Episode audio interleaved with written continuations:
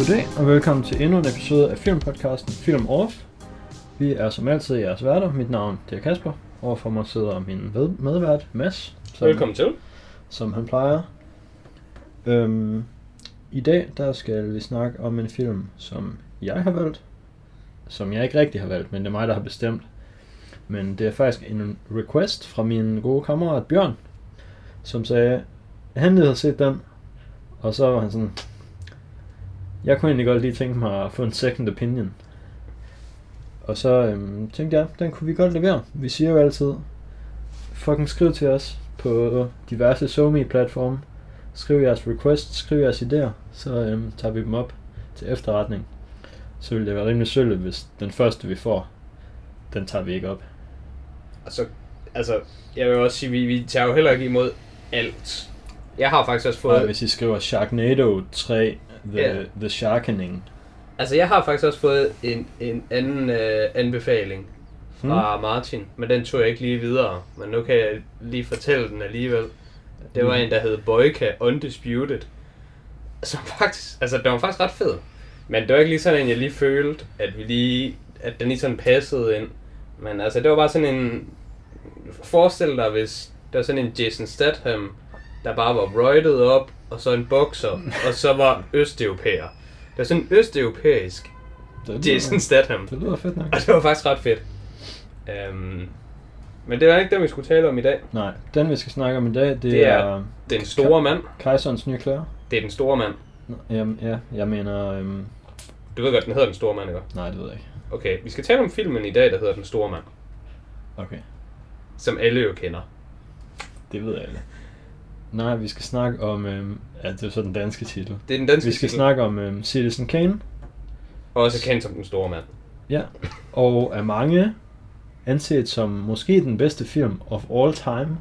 Jeg vil mene, hvis man sådan befærder sig på internettet, og sådan læser lidt andre kritikere, eller sådan kommer forbi andre kritikere, sådan filmkritikere, eller sådan nogle lister, eller sådan noget, sådan nogle top 100 bedste film nogensinde, eller top 50, eller bare top 10, og sådan de mest influerende film nogensinde. Og især, især hvis det er sådan nogle lister, så kan du altid garantere på, at altså, Citizen Kane er der på. Ja. Og hvad der er endnu vildere er, at hvis de skal sådan... Jeg synes næsten, den har fået sådan... Den er, den er go-to-valget, hvis man skal kun vælge én film. Den bedste film nogensinde. Du må ikke lave en liste, du må kun komme med én. Mm. Så, så vil jeg mene, det er den, det oftest bliver. Det er nok fordi folk synes, det er mærkeligt bare at vælge en af Ringens Herrefilmene. Det er lidt mærkeligt, men altså... Det vil, det vil, øh, det vil være mere forsvarligt i det her tilfælde. Øhm, ja, men det, øhm, Det er den, vi skal tage om. Jeg Ja. kan lige øh, minde folk om, inden vi kommer lidt for godt i gang, at øh, vi taler jo i detaljer om filmen her på øh, Film Off, så man kan måske godt blive spoilet lidt omkring filmen. Jeg ved ikke, hvor rigtigt det er at sige, at man kan blive spoilet om en film fra 1941, men omvendt så føler jeg faktisk alligevel, at der er nogle spoilers deri, fordi den er jo så gammel, og selvom den er så mainstream, som den er, jeg tror ikke, der er specielt mange, der har set den. Men jeg tror alligevel, der er mange, der har sådan set indirekte sådan bider og homager til den og sådan noget, fordi man har set den der gif, hvor han sidder inde i operaen og klapper. den har man set. Man har set der, hvor han fucking går amok med at klappe. Det er en klassisk gif. Ja.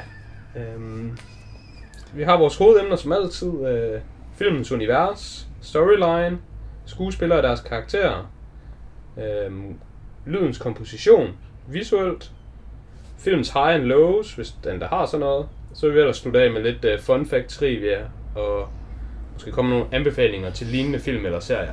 Ja. Så måske er lidt et stretch i det her tilfælde. Jeg ved ikke helt, om vi kan Ja, det. jeg det har- er tune in for later. ja, jeg har faktisk lidt noget andet, jeg synes måske vi kan runde af med i dag, men det kan vi se på, når vi kommer der til. Ja. Det er en god cliffhanger. Ja. Øhm, filmens storyline, Ja. det er, øhm, at vi følger øhm, den her forretningsmand, der hedder Charles Foster Kane. Hans liv følger vi egentlig fra, at han er øh, en lille dreng, og så frem til, at han dør. Og den måde, vi bliver præsenteret for hans liv, det er um, via flashbacks, som vi får, når øh, en reporter han tager hen og snakker med forskellige folk, der har været en del af Charles Kanes liv. Mm-hmm. Øhm, og det gør den her reporter, fordi han prøver at komme til bunds i Kanes sidste ord. Ja. som er det, han ytrer Ja, fordi- på hans dødsseng. Filmen starter med, at vi ser en mand dø. Ja. Og så bagefter, så ser vi egentlig, hvem den mand, vi har set død, noget om hans liv. Ja, det er lidt underligt. Så er der faktisk, den starter med, at vi sådan får flashbacks igennem hele hans liv. Og så starter vi forfra med at få flashbacks igennem hans liv igen. Sådan hen over hele filmen. Ja.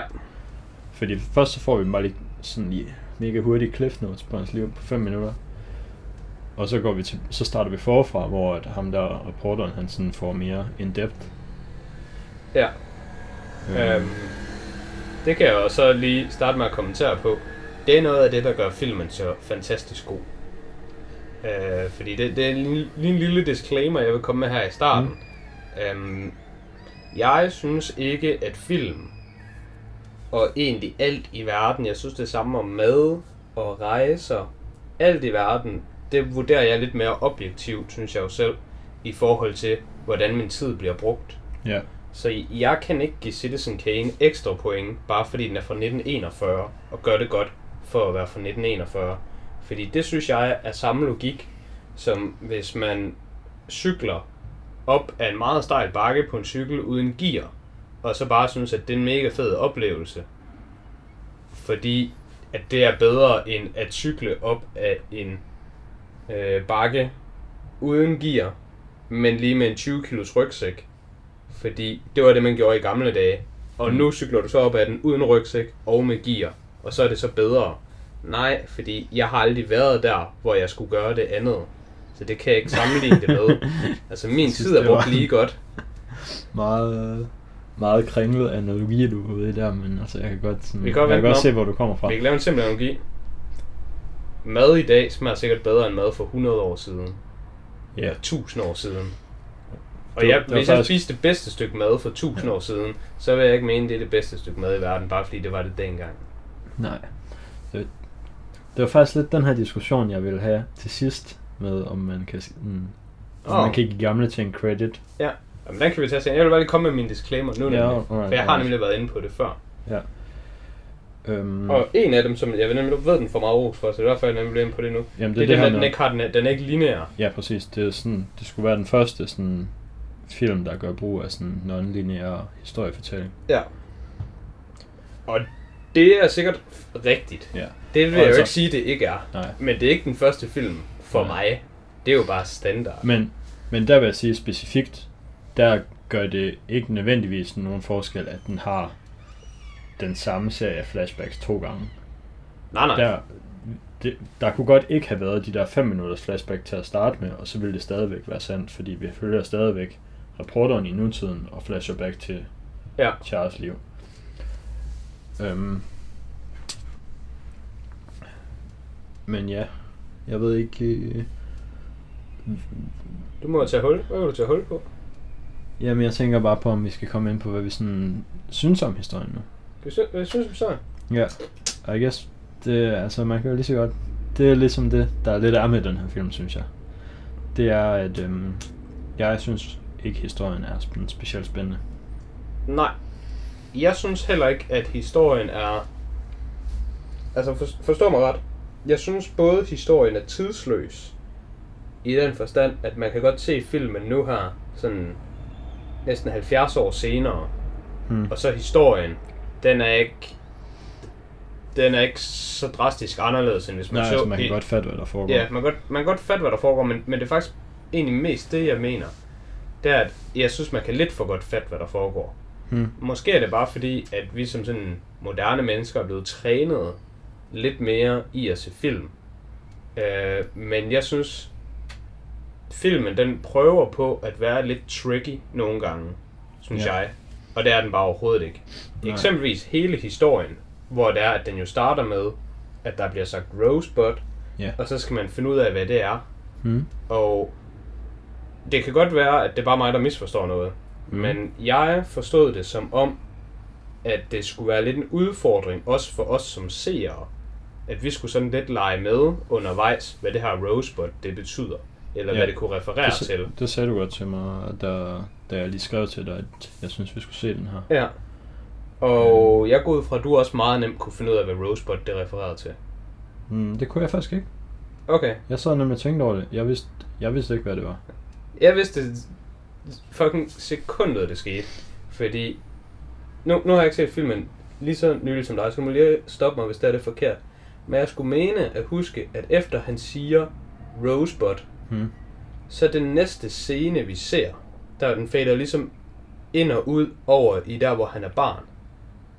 Mm. Og en af de allerførste ting, du ser derefter, det er hans slæde. Mm. Så det er meget on the nose, at hans slæde er Rosebud. Men Ja. man ser ikke, det står på den der, tror jeg ikke. Nej, nej, nej, altså, Okay. der, det står ikke på den, men det er sådan, det er, det er fortalt så tydeligt, at jeg, jeg kunne simpelthen ikke forstå, at det var det, filmen handlede om. Fordi jeg synes, det var så tydeligt. Mm. Så er jeg nok, så er jeg nok idiot. Jamen, det er du nok. Mm. Eller også så er jeg bare 200 IQ. Det kan også ja. godt være. Det kan også være. Jeg tænkte faktisk også over noget andet faktisk. Jeg tænkte over, kan jeg vide, om jeg egentlig godt vidste, at slæden var Rosebud, selvom jeg ikke havde set filmen.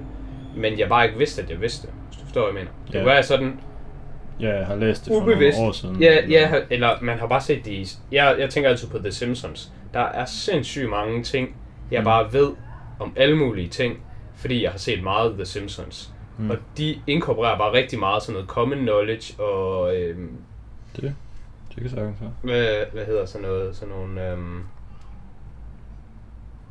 hvad hedder det? Homage? Er det? Ja. Øhm, jamen, det er ikke helt det, I hvert fald sådan noget, hvor der er, at, at så ved man egentlig... Hvad? Referencer. Ja, referencer lige præcis. Så der er egentlig rigtig mange ting, hvor jeg nogle gange tænker, at det ved jeg, hvad er, selvom jeg ikke forstår, hvorfor jeg ved det. Så det kan Mm. også være, at det var derfor, at jeg, jeg vidste det med Citizen Kane. Men det føles Ja. sindssygt obvious for mig, da jeg Mm. så filmen. Og det tog sgu rigtig meget glæden for mig. Fordi jeg, jeg, forstod, jeg forstod ikke, at, at det skulle være så simpelt, og så lige til, og så tydeligt. Men alle andre skulle lade som om, altså i filmen, at det ikke var simpelt og lige til og tydeligt. Nå, men altså selv det, så ved jeg da ikke, hvorfor det skulle være tydeligt for dem inde i filmen. Altså, hvordan skulle reporteren bare vide det der? Han har jo ikke set det der crossfade Nej, han har ikke set den. fra, at han dør til, at han Ja, er barn. nej, det er, også, det, er også, det er også forkert sagt, ja. At andre, der har set filmen, Hmm. ikke også synes, det var tydeligt. Al- Sure. Altså, der er bare nogle gange, der er noget, der er så tydeligt for en selv, at man ikke kan forstå, at det ikke også er tydeligt for andre. Hmm. Det var lidt den oplevelse, jeg havde med det. Og så er der også en anden ting, jeg synes, der var lidt, lidt fjollet ved det. Det var, at han døde altså alene. Så hvem har hørt ham sige ordet Rosebud? Han døde heller ikke alene. Hans, øh, ham der, um, housekeeperen, han så ham. Han så ham. Okay. Ja, det fortæller han til sidst, der hvor de kommer ned til det der kæmpe slot, han har bygget, og snakker med ham der housekeeperen. ja okay. Der fortæller han, at han, han kom gående, og så så han, at Kane stod der, og så sagde han det der pis, og så blev han sådan helt blank i Okay. blikket, og så sagde han, så, så der vidste han, at han var død. Så, så, Så husker jeg den nok. Hans øh, housekeeper så ham dø. Ja. Øhm, jeg troede faktisk egentlig, altså det er ret lang tid siden, jeg har set filmen, men jeg husker den sådan rimelig fint alligevel, så jeg har ikke lige set den igen her op til, men øh, har så lige været inde øh, på YouTube og lige, lige se lidt derinde, så lige for det refresher.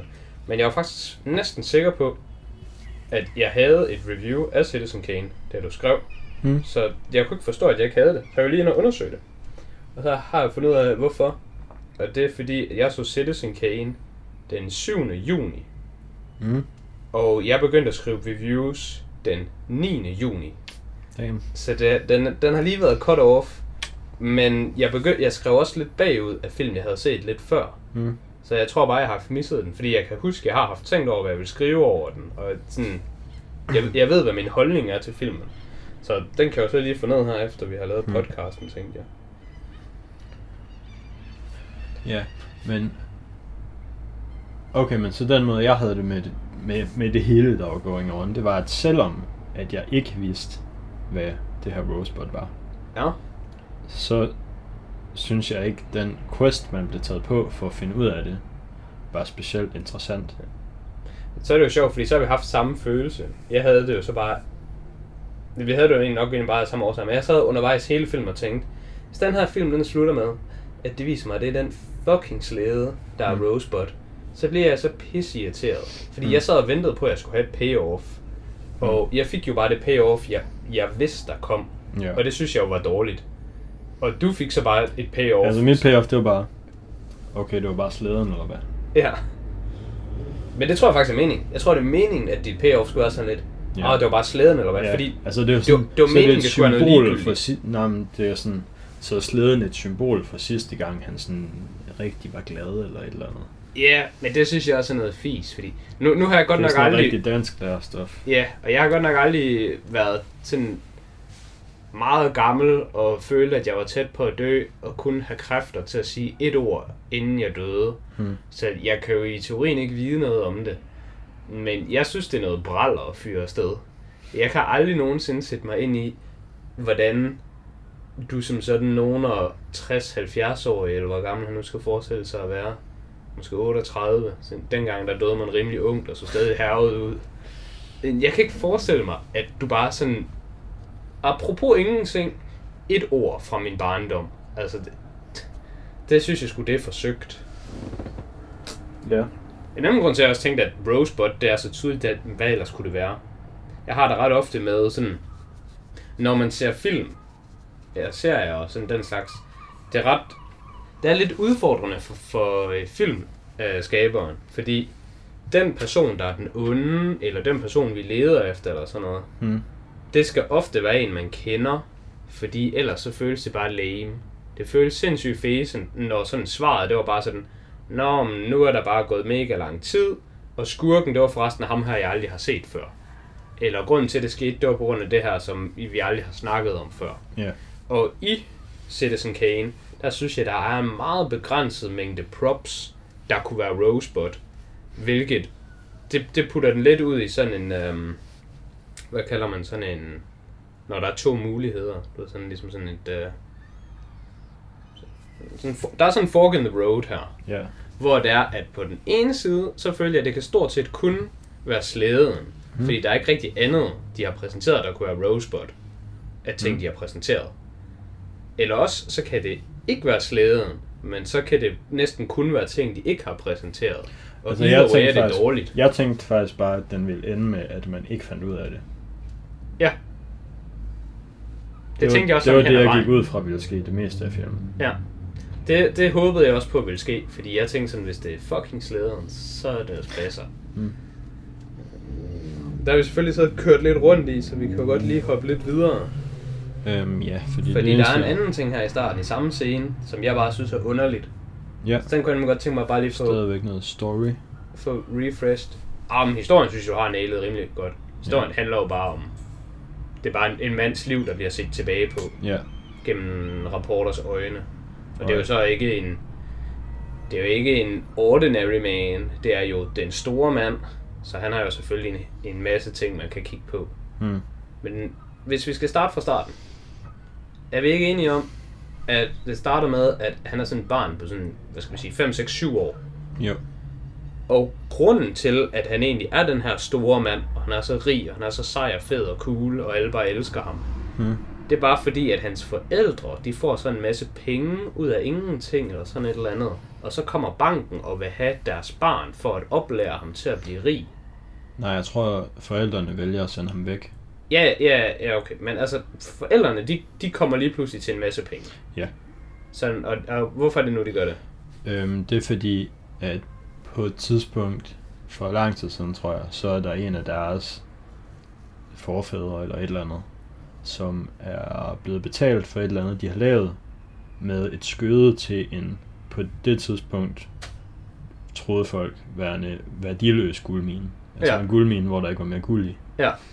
Og så I guess på det tidspunkt, hvor Citizen Kane samler op, så har de fundet ud af, at der er sgu mere guld i den her guldmine, så nu har de lige pludselig penge. Ja. Og den måde, de så reagerer på det på, det er, at de tager deres barn og kontakter en bank, for at så... Ja, Gør det banken til- banken? Jo, er det ikke en bank? Det ved jeg ikke. Jeg mener altså, ham der manden, der kommer og, og henter drengen, han arbejder for en bank. Det kan godt være. Jeg er ret sikker på, at han arbejder for en bank. Ja. Og jeg ved jo godt, at det er en film fra 1941, Mm. så dengang der var børn jo bare en ejendom. Mm. Men det- altså, jeg, jeg synes næsten, det er utilgiveligt ringe, alt hvad der foregår i sådan de første 5-10 minutter inden for det. Altså, Mm. det, det er så idiotisk.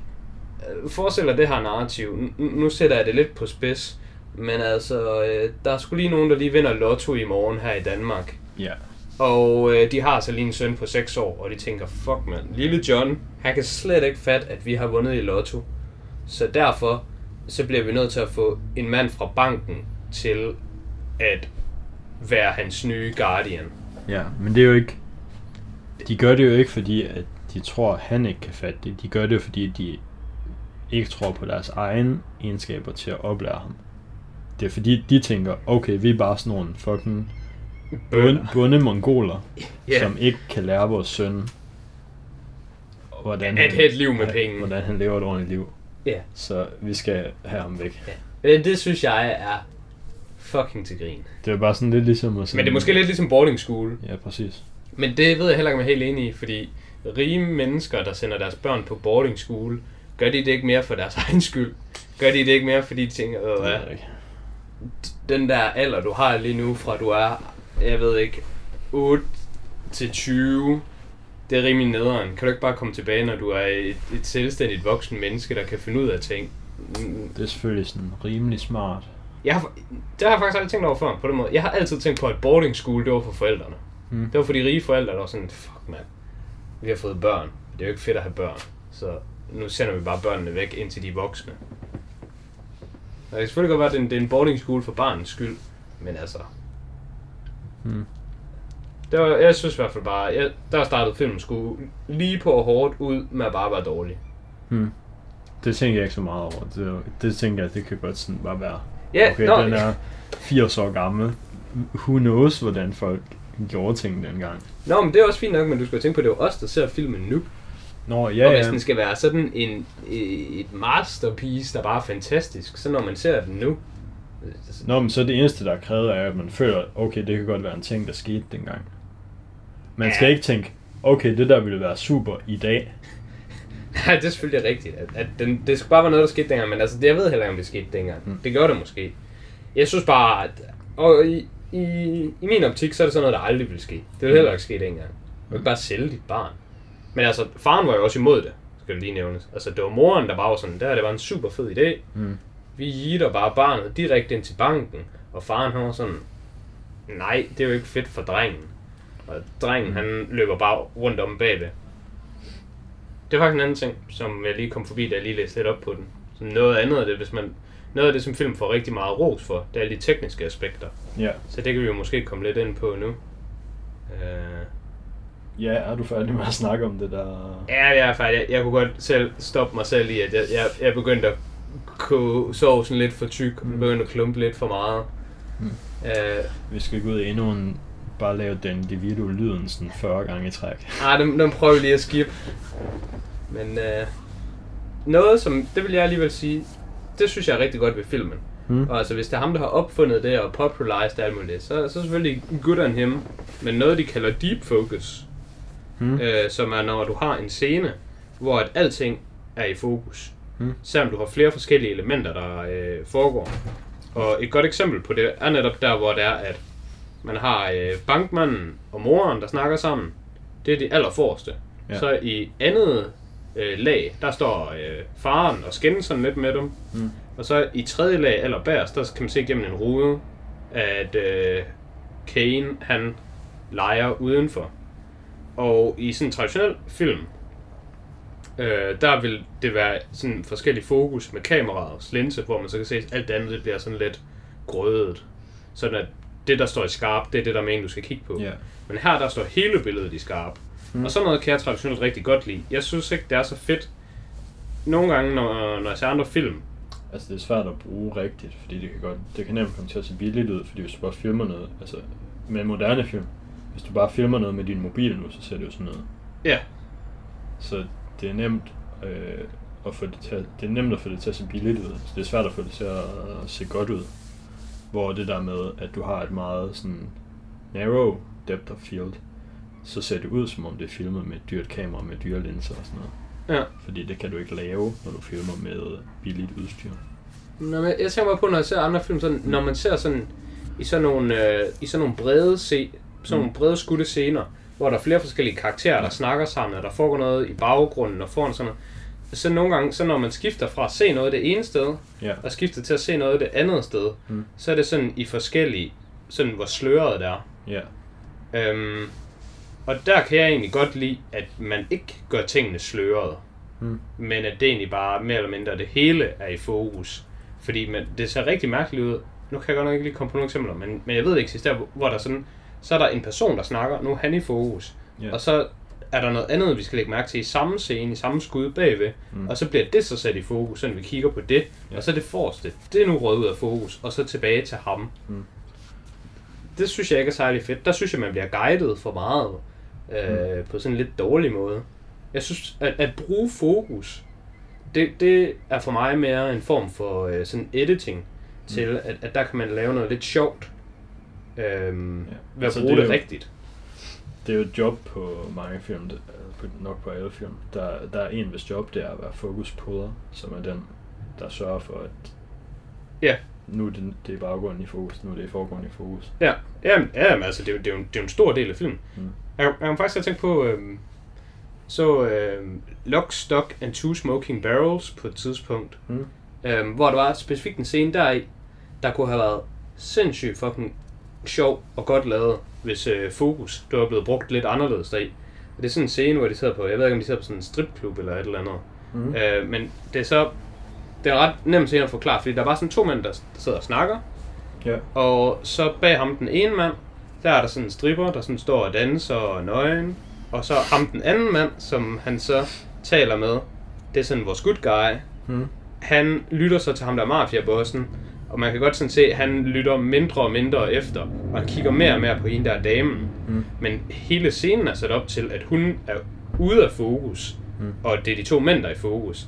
Der vil jeg jo mene, at det er øh, en meget nem og meget åbenlys måde at lave sådan en scene på, med at fokuset, det er lige så stille begynder at øh, blive sådan blurry på manden, der snakker, og det bliver skarpere og skarpere på hendes stripperen, der står og danser, Ja. for at du ligesom viser, at den her mands fokus, det forsvinder. Ja. Og sådan føles hele kan godt- scenen, men sådan er det Ja. bare ikke gjort.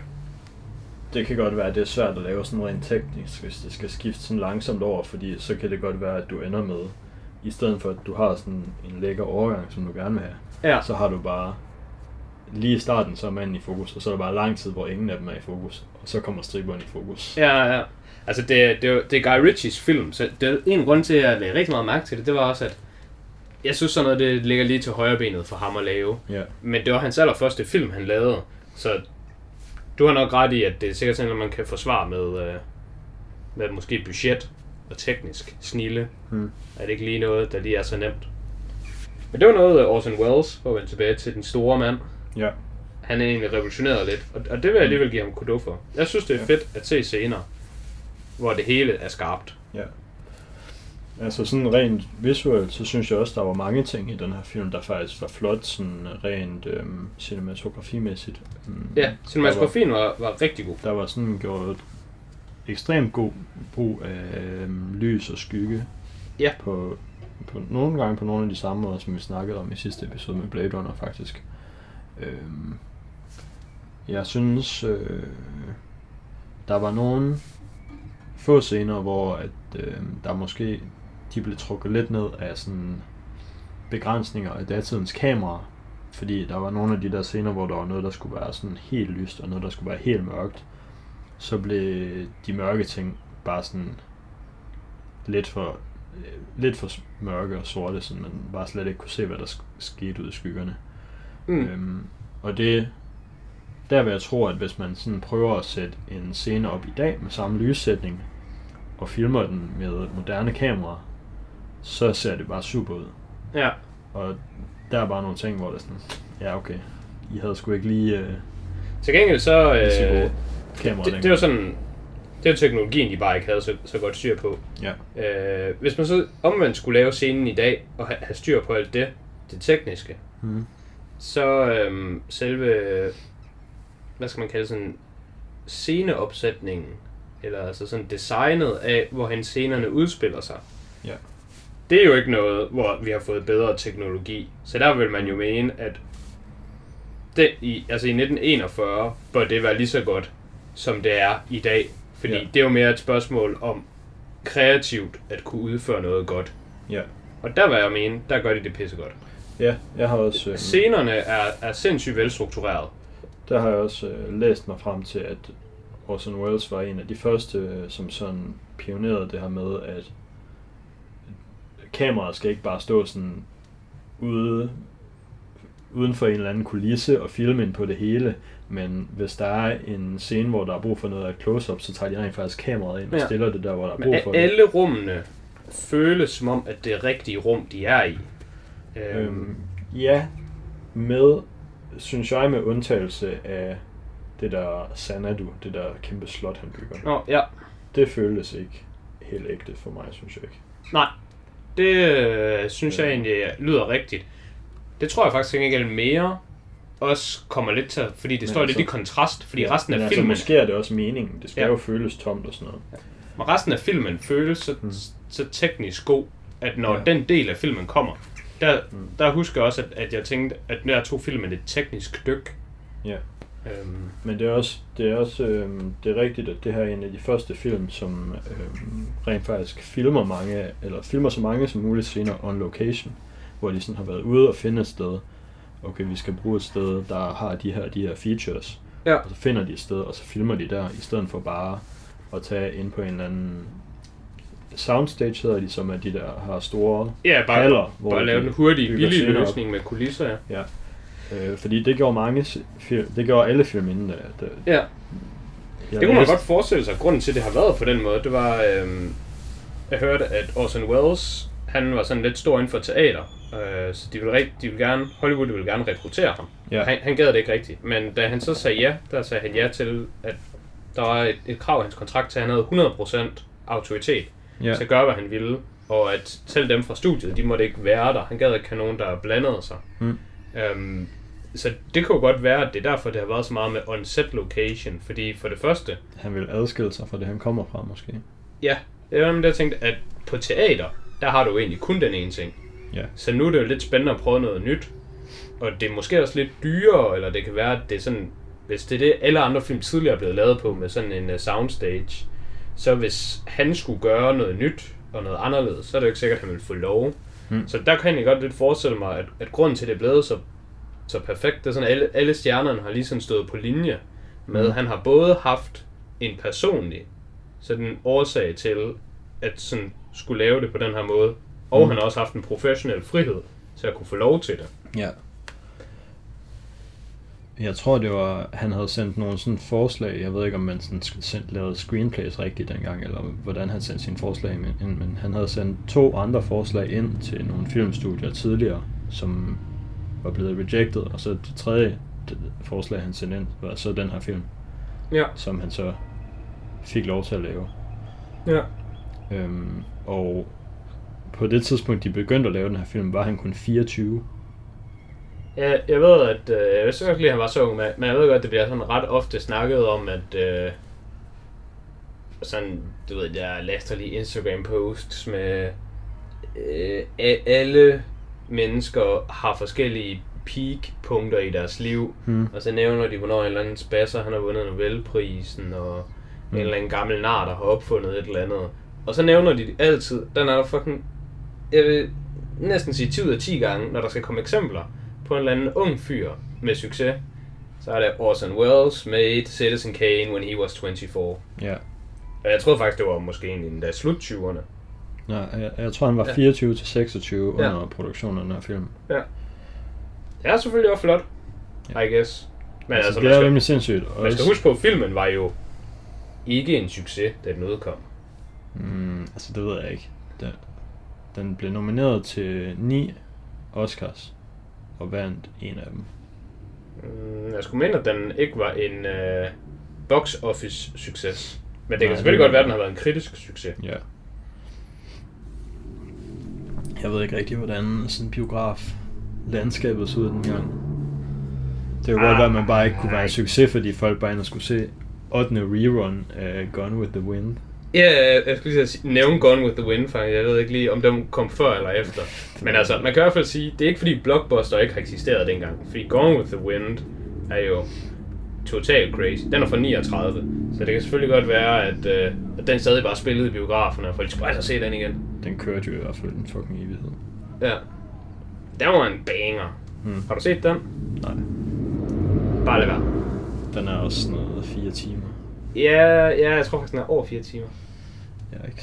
Ja, jeg har set den. Jeg har allerede en anden fire timer. 4 Jeg har timer Lawrence. Lawrence of Arabia queued op til næste gang, jeg skal se noget Hvad er det? gammelt.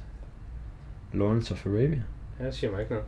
Det er sådan en krigsfilm. Ja, den er fra 62, kan jeg se. Det er jo ikke engang Okay. gammelt. Men det er også det er sådan en, også en klassiker. Men den er 3 timer og 48, kan jeg lige hurtigt fortælle dig. Ja. Så hvis du skal have den udskudt lidt mere mentalt. Ja. Min øh, gamle film, jeg har queued op mentalt, men ikke fået set endnu. Hmm. Og den har jeg nok haft på min watchlist i mindst 10 år nu. Hmm. Det er en, der hedder Ben Hur. Mm.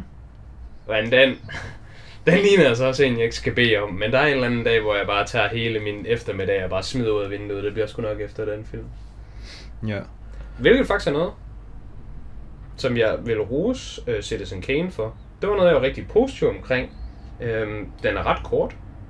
Ah, Den er kort af en gammel mesterværk at være. sure. Altså, Er den den er ikke- stadig to timer straight up. Ja, jeg skal komme til at spørge. Jeg mener, husk, den er bare lige omkring to timer. Og det synes jeg er fint. Fordi Den er to, 2,59. Nej, 1,59 eller sådan 1,59. noget. Og der er sådan et halvt minuts credits. Okay. Ja, så det var også sådan, jeg huskede det. Jeg huskede den som om, at den var bare en film. Den var ikke sådan fucking, okay, her er 3 timer og 40 minutters puke, som Nej. du bare skal se, Det er rigtigt. fordi alle elsker det. Hmm. Og du, kan ikke, du må ikke slukke for den, fordi det er jo forbudt. Ja. Øhm, for lige at runde en sidste ting, jeg tænkte over med visuals, så synes ja. jeg, altså den er jo selvfølgelig sort-hvid, fordi den er pisse gammel, og så er den også i, den er, den er i 4.3, så man ser den med de dårlige sorte kanter på ens tv. Ja, man, man, man ser den som en kasse. Ud af siderne, men dem Ja. man ikke skal bede om. Ja, det er en kassefilm. Ja. Øhm, det synes jeg faktisk ikke rigtigt var noget problem for mig. Jeg har før Altså, det siger du, som om det burde det være. Jeg har før haft et problem. Jeg har før haft et meget anstrengt forhold til at skulle se 4-3 indhold. Det, du er også så mærkelig på det punkt. Altså, Øhm, Se, altså, gamle film kan jo så godt være gode. Ikke lige Citizen Kane. jamen, den må gerne fylde hele mit fjernsyn. Ej, jeg skulle lige... Var det ikke også, altså... Var, øh, eller er hedder det nok, var der øhm, It's a Wonderful Life. Jo, men der så jeg den i Colorized, så der skulle jeg kun døje med en af de der ting Okay. i gangen. Og jeg tror måske også 12 Angry Men, måske også er en kassefilm. Jamen, den har jeg ikke set den. Ej, men det er også en fejl. Den har, den har jeg queued op før Lawrence of Arabia for, i øvrigt. Det kan du bare queue op foran alt. Ja, det skal jeg lige tænke over. Jeg synes bare, jeg synes sgu, det er lidt underligt. Jeg ved ikke lige helt, hvordan... Jeg, hvad, skal nok få den til. Jeg skal nok få den til. Nej, men ikke, ikke lige, men jeg synes bare, det er underligt det der med, at vælge- med at vælge en film fra, fordi den er sort-hvid, eller fordi den er et eller andet format, eller sådan. Jamen, sort er super nu. Jeg skal faktisk jeg skal bede om sort ting. Jeg synes sort-hvid film, dem kan jeg ret godt lide. Øhm, men det er også fordi, jeg har det sådan lidt med, øh, med gamle film, som jeg også har det med udenlandske film. Mm. Det er lidt mærkeligt at tale om udenlandske film, når vi er danskere. Mm. Mm. Fordi det, det betyder jo bare ikke amerikanske film, egentlig. Mm. Og jeg synes, når man ser udenlandske film, så er det jo ofte sådan, the cream rises to the crop. Og det er også sådan, jeg har det med, øh, hvad fanden hedder det, med sort film. Fordi der er jo sindssygt mange gamle lortefilm, men Ja. dem snakker man jo ikke om. Man Nej. snakker jo kun om Citizen Kane, Man Casablanca. snakker om dem, der er på fucking IMDb's top 250 liste. Lige præcis, hvor alle de bare kan blive med at gå hinanden af til, Åh, jeg har også set Citizen Kane. ja, nu er jeg i hvert fald god. Jeg skal i hvert fald ikke sige, at jeg ikke synes, den var god. Men i, i, i jeg vil sige, i cirka halvdelen af tilfældet, der er de faktisk okay. Hmm. Så man skal altså Ja. ikke være skræmt væk af de sort-hvide. Nej, men jeg har jo ikke... Så er det som... Det er ligesom at... Nej, men det der med 4-3, så er det ligesom at se det på et mindre tv. Jeg har ikke købt et stort tv for at se film i mindre. Vel? Nej, men altså, det er jo stadigvæk stort. Ja. Altså, Skal jeg have mere? skal jeg med, så må du købe et. Så må du bare købe et på 70 tommer. Så, Ja. så er sådan en kasse, så er den jo stadig stor. Det er rigtigt. Du, det er jo bare, du må bare købe et kasse-tv så. Ja. Den sidste ting, jeg tænker med det med farverne specifikt, det er, at det måske kan være med til sådan at um, maskere lidt nogle, nogle fejl og mangler, der er på grund af gammelt udstyr og gammel, gamle, ting, gamle måder at gøre ting på. Ja, og du tænker på sådan noget som sættet og sådan noget, det, det kan godt komme til at se bedre ud, eller hvad? Fordi, Øhm, en af de ting, jeg tænker på, det er um, make-up'en i filmen. mm, Fordi at øh, vi har jo på mange forskellige tidspunkter en, en gammel, ja, Gammel en- mand. Så en meget ung mand, der spiller en meget gammel mand. ja, Øhm, og jeg synes godt, det kan, vi kan komme lidt ind i sådan Uncanny Valley, hvor han ser lidt, lidt underlig ud, i stedet for bare at se gammel ud. ja, øhm, mest til allersidst, der hvor man ser ham gå rundt i øh, hans store borg og dø. ja. Der ser han sådan lidt gollumagtig ud. Ja, ja, det er det der med sådan, al, aldersprocessen er jo meget svær at replikere. ja. Så nogle gange, så, bliver man, så får de bare sådan nogle lidt ikke-human traits over Ja. sig. Øhm, men det var ikke så meget, at jeg synes, det var sådan super slemt at se på. Og det tænker jeg måske godt, det kunne have været, hvis det havde været i fuld farve 4K. Ja, det jo nok godt ret i. Den bedste, øh, hvad hedder det, sådan aging slash de-aging proces, Hmm. hmm. jeg har set indtil videre, det er Samuel L. Jackson i Captain Marvel. Kommer jeg lige til at tænke på. Han er meget god. Den er fucking sindssyg. Men det er også fordi, at de har sådan haft uendelig footage af ham i den rigtige alder. Fordi han var jo bare med i film dengang. Ja, det er rimelig smart. Øhm, og så kan, så kan man jo deepfake sig Ja. ud af det. De har bare, de har bare deepfaket ham selv på sig selv. Ja. Det er egentlig ret sjovt. Noget, øhm, jeg kan huske, jeg tænkte over ved filmen, men ikke rigtig gjorde noget mere ved mentalt. Hmm. Så der er det jo en lidt heldigt. Nu har jeg en, jeg kan snakke om filmen med, og den er da fresh in your mind. Så kan du ikke lige tage lidt over nu, og så lige snakke lidt om, der er sådan en, en pige, der er ude i sådan en bar. Hun, hun, altså, jeg ved ikke, om hun bor på den der bar, eller om hun ejer en bar, eller om hun er sådan en Ja. tidligere danser, eller sangerinde, eller sådan noget. Jeg kan bare huske, at der er en del af filmen, hvor journalisten, mm-hmm. han er ude og snakke med sådan en eller anden dame, pige, kvindelig figur, et eller andet. Ja. Og jeg kan ikke huske mere, end at det er bare en ting, der sker i filmen. Ja. Hvad, altså, hvad sker der der? Det er jo hende, han er... Det er hende, han har været gift med. Ah, okay. Det er hende, han forlader sin kone for. Okay, men det er det, jeg skulle til at spørge. Du Hende, kigger der- på mig lidt underligt, som om... Det, det er hende operasangeren. Ja, men der er mere end en kvinde i filmen, ikke? Fordi... Ja, han er gift med hende der præsidentens niece først. Åh, oh, ja, det er sgu da rigtigt. Og så, Ja, ja, ja, kommer, ja, ja. så står han nede på gaden og er mudret, og så kommer hende der den anden unge sangertype og sådan, hey, skal du ikke lige med op? Og så kommer han med op. Hey, skal du ikke lige med op? Man ved godt, hvad der så sker. Og så øh, finder pressen ud af det, at han får derailet sin øh, governor-kampagne alt Ja, ja, ja, det har du helt ret i. Så bliver han gift med hende anyways, bygger et operahus til hende. Ja, Alt det, det er bare hende. det er hende, ja. Okay, godt nok. Men jeg kunne nemlig bare lige huske, at det var lige noget af det, der var i Hun er filmen. selvfølgelig også lidt øh, make-up aged. Der, Ja. hvor de sidder ude på den der klub. Ja. Men jeg mener at huske, hun ser sådan rimelig slidt ud op Ja. i mit hoved. Ja.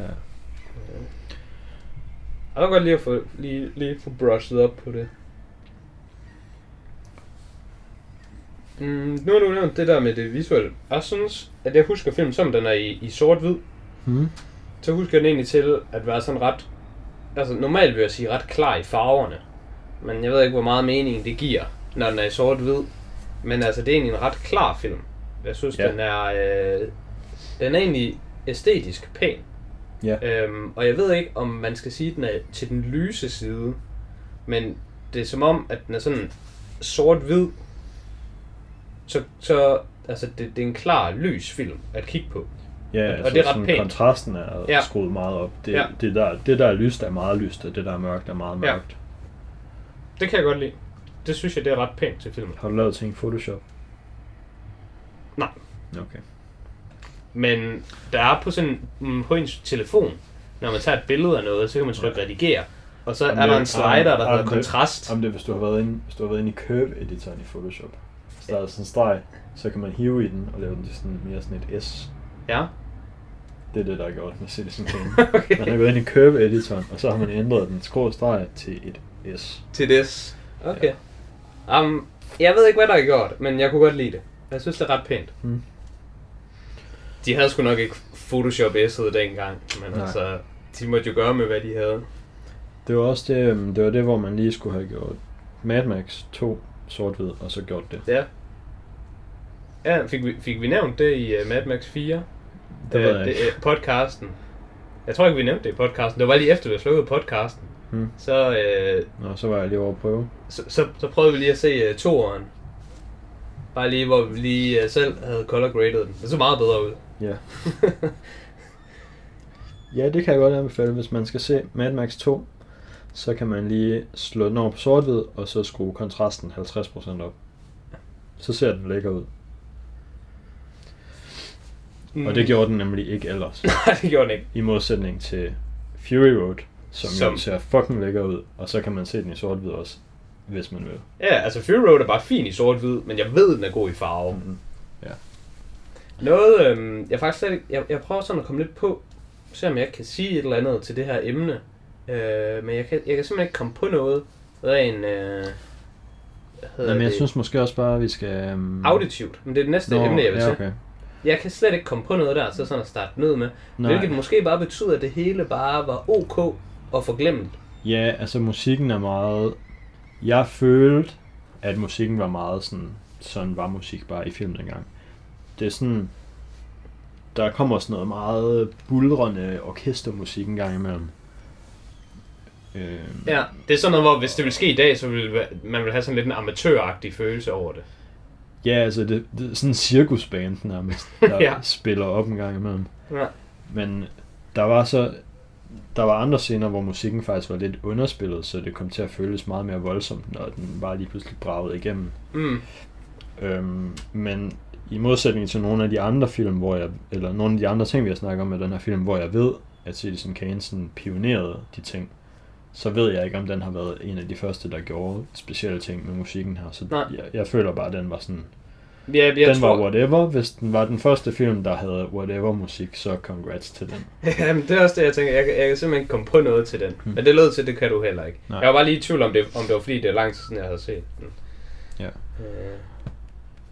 Nå, men hvad vil du så ellers videre til? Nu afbryder jeg dig jo lidt det med, da jeg lige vil sige noget om lyd. Eller sige, at jeg ikke vil sige noget om lyd. Nå, jamen, jeg vil bare, altså, måske sådan, bare lige snakke lidt om det her med, om gamle film kan, få, få credit for at være de første til at have fundet på ting, fordi vi snakkede også lidt om det, Ja. med at Blade Runner havde været en af de sådan banebrydende inden for, hvordan science fiction film ser ud, og hvordan de lyder. Ja. Og vi snakker også lidt om det med Mad Max. Ja. Med, den var en af de første der. Og der er det jo, at der vil jeg sige, nej, det kan man ikke. Men jeg forstår godt, hvis folk har en anden holdning til det. Ja. Men jeg synes, at det er fjollet. Ja. Jeg synes, Fordi- at, at det er bare det samme, som at tage en, tage, tage den originale Coca-Cola-opskrift fra 1800-tallet, hvor det var jo fyldt med syre og pis, og jeg ved ikke hvad. Kokain. Kokain. Det er måske meget godt. Mm. Og så bare sige, nå, jamen, den smager bare bedre end den Coca-Cola, vi har i dag, som der bare er blevet udviklet på i 100 år. Fordi Mm. det var jo den første. Ja. Og nej, det er den ikke. Altså, mm. nogle gange så er kopien bare bedre. Altså, nogle gange så bliver man jo inspireret af. At her til alle lyttere, der tænker, at originalen, den er bedst. Mm. De skal hermed flyve i fucking brødrene Wrights fly resten af deres liv. Og hvis de styrter ned og dør, så må de styrte ned og dø med deres latterlige holdning. Ting bliver videreudviklet på for the better, Ja. Øh, men det synes var også- jeg. Nu, ja, nu, det- nu nåede du ikke at sige, om Nå, du synes det Det samme. var, det var en af de ting, du sagde faktisk til at starte med i podcastet. Der sagde du, hvis man, hvis man finder sådan nogle lister på internettet med top 10 bedste film nogensinde, top 5 bedste film nogensinde, top 20 mest influ- du sagde influential film nogensinde, Influential jeg. film. Ja, Fordi der må du der vil jeg de to første, der vil jeg ikke putte Citizen Kane på. Nej. Den sidste af de lister, der kan man godt putte Ja. den på. Altså der vil jeg heller ikke putte den på. Men det er bare fordi, jeg vil ikke lave sådan en liste. for Det er jeg jo ikke kvalificeret til. Det kan jeg jo ikke udtale mig. Nej, præcis. Men hvis der er en, der bilder mig ind, altså Ja. hvis der er en, der siger, at det her, det var den film, der opfandt det, og ja. Ja. det har der aldrig sket før, så må jeg jo bare sige, Men det okay. var bare, du listede den bare op som sådan en... Ja, som om, det, det, Det har bare flere af de der lister, du Ja. ja. lige har listet nogle andre, og der synes jeg nemlig præcis det, keyword, det var lige, det var lige Ja. lidt noget andet. Men det kan vi sagtens tale om. Der var nemlig noget, jeg læste på Reddit her for et par dage siden. Øhm, jeg mener, der var lige noget, jeg researchede. Ja. Og øh, jeg nåede godt nok ikke lige at finde frem igen i dag, så, og jeg kan kun huske en af filmene på den liste. Men der snakkede de nemlig om noget med meget øh, øh, influential film i filmhistorien. Mm-hmm. Og det kan man jo vurdere på mange forskellige måder. Og nu en af dem, eneste jeg lige kan huske desværre, men den er også stadig fin, det er Trolls World Tour, som er den nye Trolls-film Ja. fra i år, 2020. Og det var meningen, at den skulle komme i biograferne. Og Den er, jeg ved ikke, om den er en 2 eller en 3, men, men den er en del af den der Wor- Trolls franchise. Som, jeg ved ikke, om du kender til den. Men den er basically Altså, bare Minions Jeg ved, light. ved dens eksistens. Ja, men ved du også, at den er en fucking juggernaut? Altså, den er bare Nej. box office amok. Den er ikke helt Minion level nu. Mm. Men den er, altså, Minion har jo tjent over en milliard. Ja, ja. Så hvis ikke man ved, at Minions er fucking insane. Minions er ikke helt Marvel, men altså... Det, det er heller ikke ikke Marvel. Så Trolls er altså up there. Hmm. Bare lige sådan, man fatter, at det er serious business, det her. Sure. Og Trolls World Tour skulle have kommet i biograferne her i foråret 2020. Ja. Men der er jo så corona, og det hele er bare gået galt. Mm. Så det, de valgte at gøre i stedet for, det var, at de bare, øh, de pullede den bare fra biograferne, og bare sagde, "Um, fuck det, vi scratcher det. Og så har de udgivet den på øh, online release, hvor det koster sådan 20 dollars for at lege den i et par dage eller sådan noget lort. Ja. Og det har de bare tjent fucking bank på. Jeg skulle mene, at øh, her, for det første, næsten halvår af 2020, der er den film, der har tjent mest for året. Det er Trolls World Tour. Det er den, der har højst box office. Bortset fra, at den ikke har noget box. Udover at den ikke har noget box office. Men den kommer til at være en af historiens mest influential film, potentielt.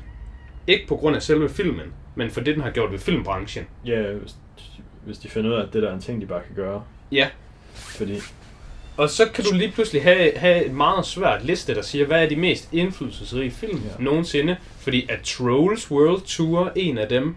Ja. Det er det jo nok alligevel. Mm. Det er også spændende med det der, fordi hvis vi siger, at det er 20 dollars, det er sådan 140, nej, 120 kroner. Mm. Det vil jeg nok ikke give for at, tage, for at se en film. Lad os sige, den næste film, jeg gerne vil se i biografen, den kommer bare samtidig på, Ja.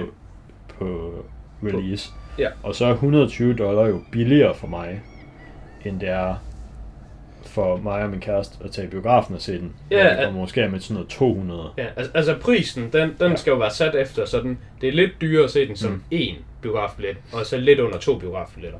Og familier, de er jo nok mere end to Ja, ja, præcis. Fordi for mig og min kæreste koster det mellem 200 og 300, afhængig af hvor mange snacks man skal have og tage i biografen. Ja. Hvis herre og fru Danmark skal have deres to-tre børn med ind og se Trolls World Tour, og de skal fucking have blandt selv til 27 kroner per 100 gram, Altså jeg kan jo bare stoppe dig her. så kommer de snilt af med 1000 plus. Altså jeg kan jo stoppe dig nu, fordi jeg har jo rent faktisk arbejdet i biografen. Ja. Og altså, jeg har godt nok aldrig snakket om det her før, men jeg har egentlig haft tænkt på, at det kunne godt komme lidt op til podcasten, så det kommer op nu. Jeg har engang solgt, altså stået ved kassen og solgt snacks i biografen. Mm. Og jeg har solgt blandt selv slik for 550 kroner til folk, der skulle i biografen, uden mm. at det var sådan, wow, det har sket én gang i mit liv. Ja. Nogle gange, så kommer der altså bare børnefamilier. Altså, okay, Det de er er også måske også... meget. Det er sådan noget, hvad, to kilo slik. Ja, altså, det har, det har jo nok bare været 8 poser af 500 gram, eller hvor meget ved jeg. Ja, okay, sure. Men altså, det har bare været sådan en, hvor der har kommet sådan... Det har jo ikke bare været et barn en forælder. Men så har der kommet sådan to forældre, og måske med en 4-5 børn. Sure. Og så har de altså bare easy smidt mellem 500 til 800 kroner. Og, og det sker bare. Ja. Så ja, altså, altså de der tal, du bare lige finder på nu, dem kan jeg bare back op og sige, Mhm. mm-hmm. det sker. Ja. Og det er insane. Og så er det altså meget billigere, og også bare nemmere at bare være derhjemme, og så bare gå ind på fucking... Jeg ved ikke, hvad de der streamingtjenester hedder. Der. Er det Viaplay, der både har film? Altså man går ikke ind på Netflix, for der køber man jo ikke film. Nej, men der er de der tjenester. Apple, Ja, Apple Movies, Ja, og måske. Apple TV hedder det. ja. Og ja, Viaplay, Ja. Google House. Altså YouTube har det Ja, jo også. man kan lege film på YouTube. Ja. Så, så det kan jo sagtens ændre landskabet af, hvordan film og filmindustrien kommer til at være fremadrettet. Ja. Og det vil jeg da mene, det er meget mere influential end Citizen Kane. Ja, Men, det, men, men vil du, men vil Men du sige det, hvis du er en fejnsmækker? det er også... I 2020 er det sgu meget uhåndgribeligt og lige præcis pinpoint, hvilke ting, som film stadig gør den dag i dag, som man kan credit tilbage til Citizen Kane. Men der er måske nogle ting. Ja. En anden ting, jeg også synes, man lige skal huske på, det er, at altså, der er godt nok lidt et meme, det her, hvor folk de siger, at wow, jeg gad godt at rejse tilbage i tiden, Hmm. mm. og så bare øh, være den klogeste mand i verden. Ja. Fordi jeg bare har al den her viden fra 2020. Men samt er lidt et meme, så synes jeg også, der er også lidt sandhed til det. Altså det kan godt være, at Citizen Kane er rigtig godt lavet og får credit for alle mulige ting. Hmm. Mm. Men omvendt, det er der også bare én film, der skal have. Altså hvis det ikke havde været Citizen Kane, så havde det bare været en anden. Altså som du nævner, i 2020, så er det altså svært at lave en film, der pionerer alle mulige ting. Ja. Altså det tætteste på, jeg kan komme, jeg tænkte nemlig lidt over det, øh, det må være Avatar. Den pionerede Ja. 3D. Men altså med det sagt, så kunne Citizen Kane godt bare have pioneret én ting, men den pionerede faktisk sådan 3-4. Ja, men der, er- der er så nogle af dem, hvor jeg synes, den gælder ikke. Jeg synes, det der med ikke-lineær øh, storytelling, Mm. det, det kan man ikke få point fra mig.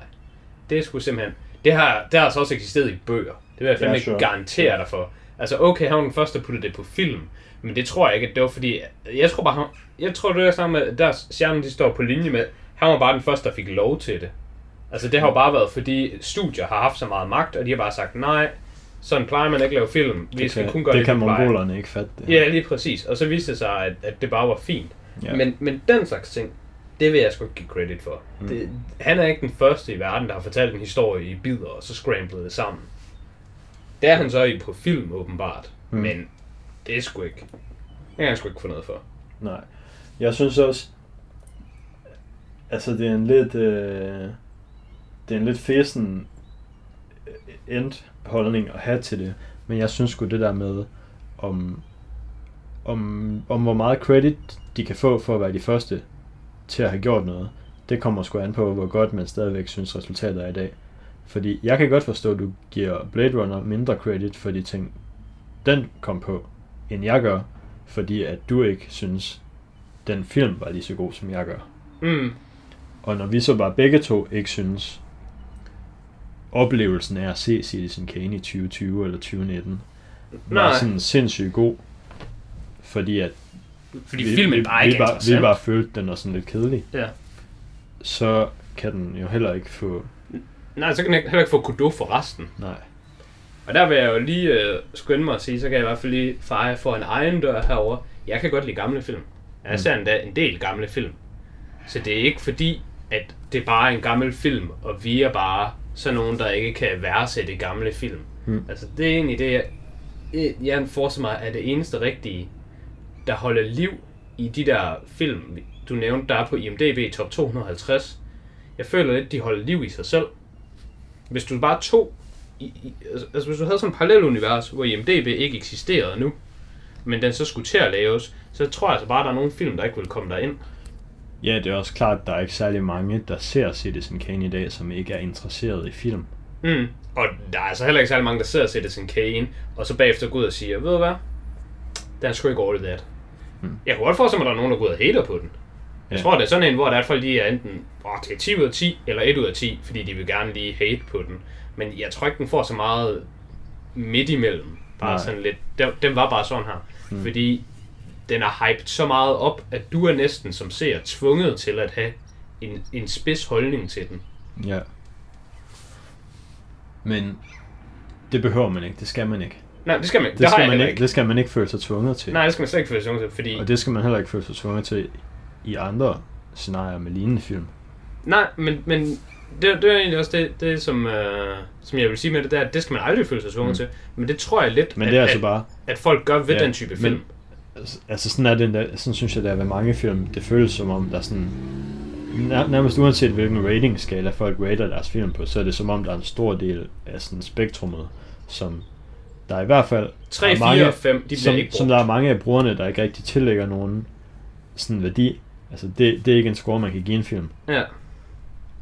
Altså 3, 4 og 5 på en 10 Mm. skala, den bliver meget lidt brugt. Ja, dem giver jeg sgu ikke særlig meget. Så må du lige, altså så må du tage dig sammen. Nå, der altså- er jo film, der er 3, 4 og 5. Ja, det ved jeg godt. Nu putter jeg dig on the spot. Hvad har du givet Citizen Kane? Det ved jeg ikke, men jeg, altså jeg har ikke rated den endnu, men jeg kommer nok til at give den bare, det ved jeg ikke, 5 eller 6. Okay. Jeg har givet min 4, 4 ud af 10. Ja. Det tænker jeg nok. Jeg synes, den var... Den var sgu lidt regret, regrettable at se. Jeg fortrød lidt, jeg så den. Hmm. Men, Det gør jeg ikke. Altså, ikke sådan... Ikke sådan, at det er helt slemt. Hmm. Men... Jeg, jeg havde sgu synes, min tid var bedre brugt, hvis jeg bare havde lavet noget andet. Eller måske bare set en anden film. Hmm. Altså, det var en... Det var ikke en øh, under gennemsnitlig film at se. Jeg synes ikke Citizen Kane... Det er nok i virkeligheden der. Jeg ved ikke, om, om, om, nu, om det er bare mundlort, jeg spyver nu, der bare lyder smart. Det har vi gjort i en time at this point. Så er den her også ret filosofisk at slutte af med. Men jeg synes ikke, at Citizen Kane er en under gennemsnitlig film. Men jeg synes, den er en under gennemsnitlig filmoplevelse.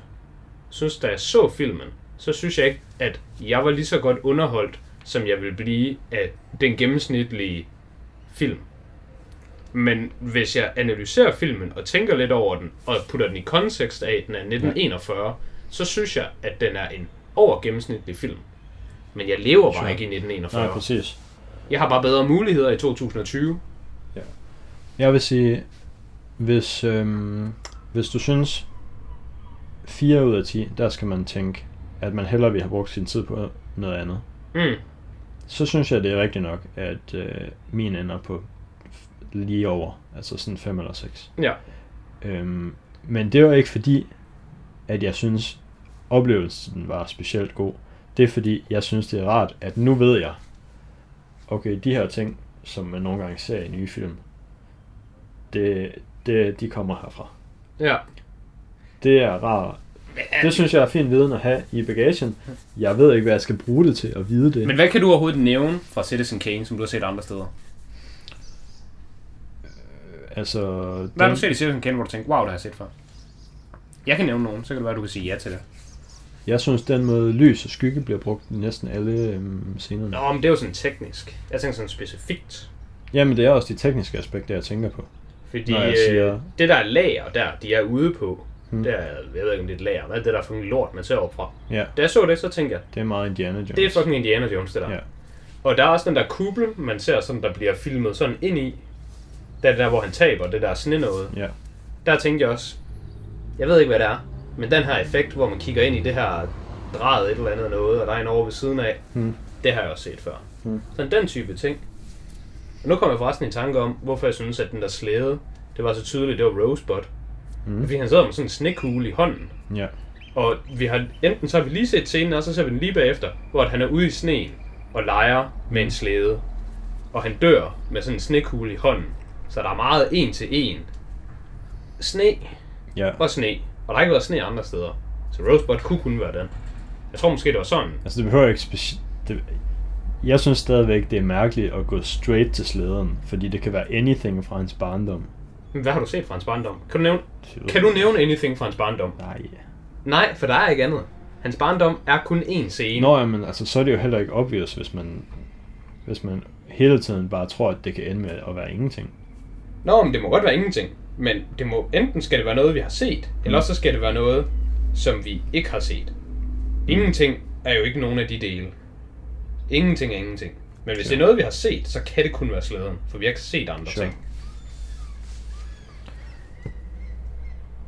Er der mere at sige til det? Hmm.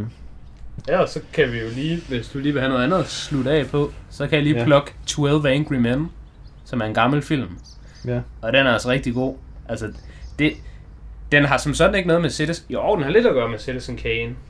ved Den at har lidt det der going on. den er at det character flash-. Nå, men det er også det, der, der er sådan en flashback igennem en karakters liv. Ja, lige præcis.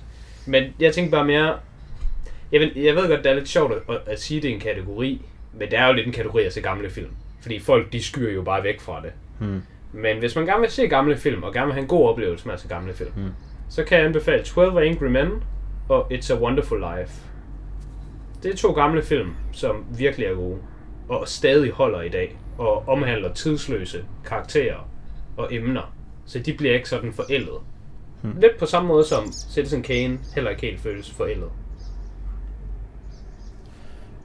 Har du noget? Jeg, jeg kunne sgu ikke rigtig... øhm, Jeg har prøvet at tænke på en recommendation til øhm, bare sådan et eller andet sådan noget mystery film, men jeg kunne sgu ikke lige komme på en god en, jeg synes var en, en god nok parallel, fordi det meste af det, jeg sådan tænkte på, så endte det med at være sådan noget crime noget, og det synes jeg alligevel ikke, den her film er.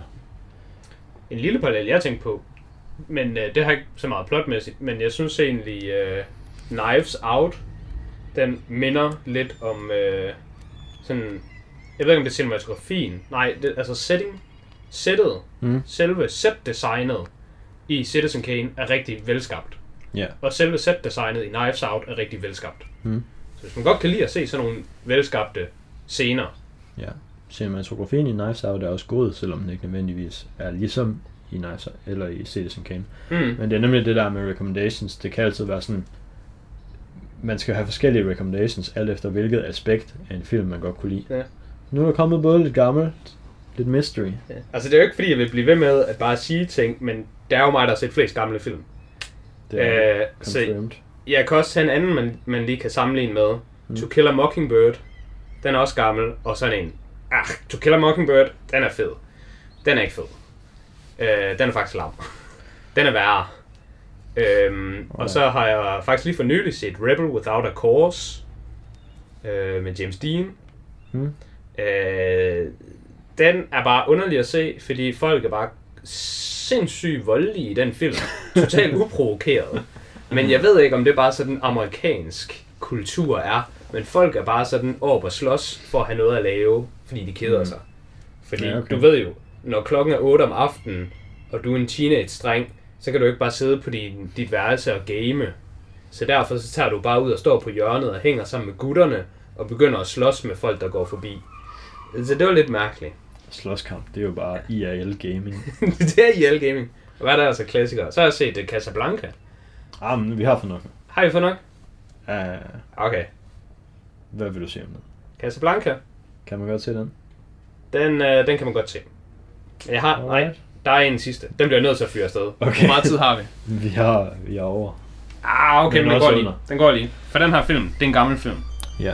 Og jeg synes, den er sindssygt fucking god. Og jeg har overvejet at vende tilbage til den og måske give den 10. Og den hedder Cool Hand Luke. Hmm? Dan elsker mig fandme noget Paul Newman.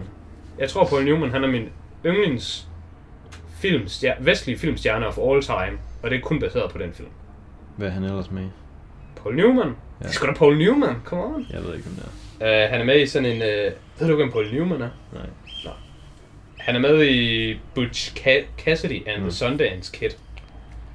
Og så er han også ved Tom. Cruise. Skud til Tom Cruise. Vi vil lige være glemme. Jeg havde glemt Tom Cruise. Han er Tom Cruises mentor i uh, sådan The Hustle eller sådan et. Nej, Money is Green, tror jeg måske den hedder.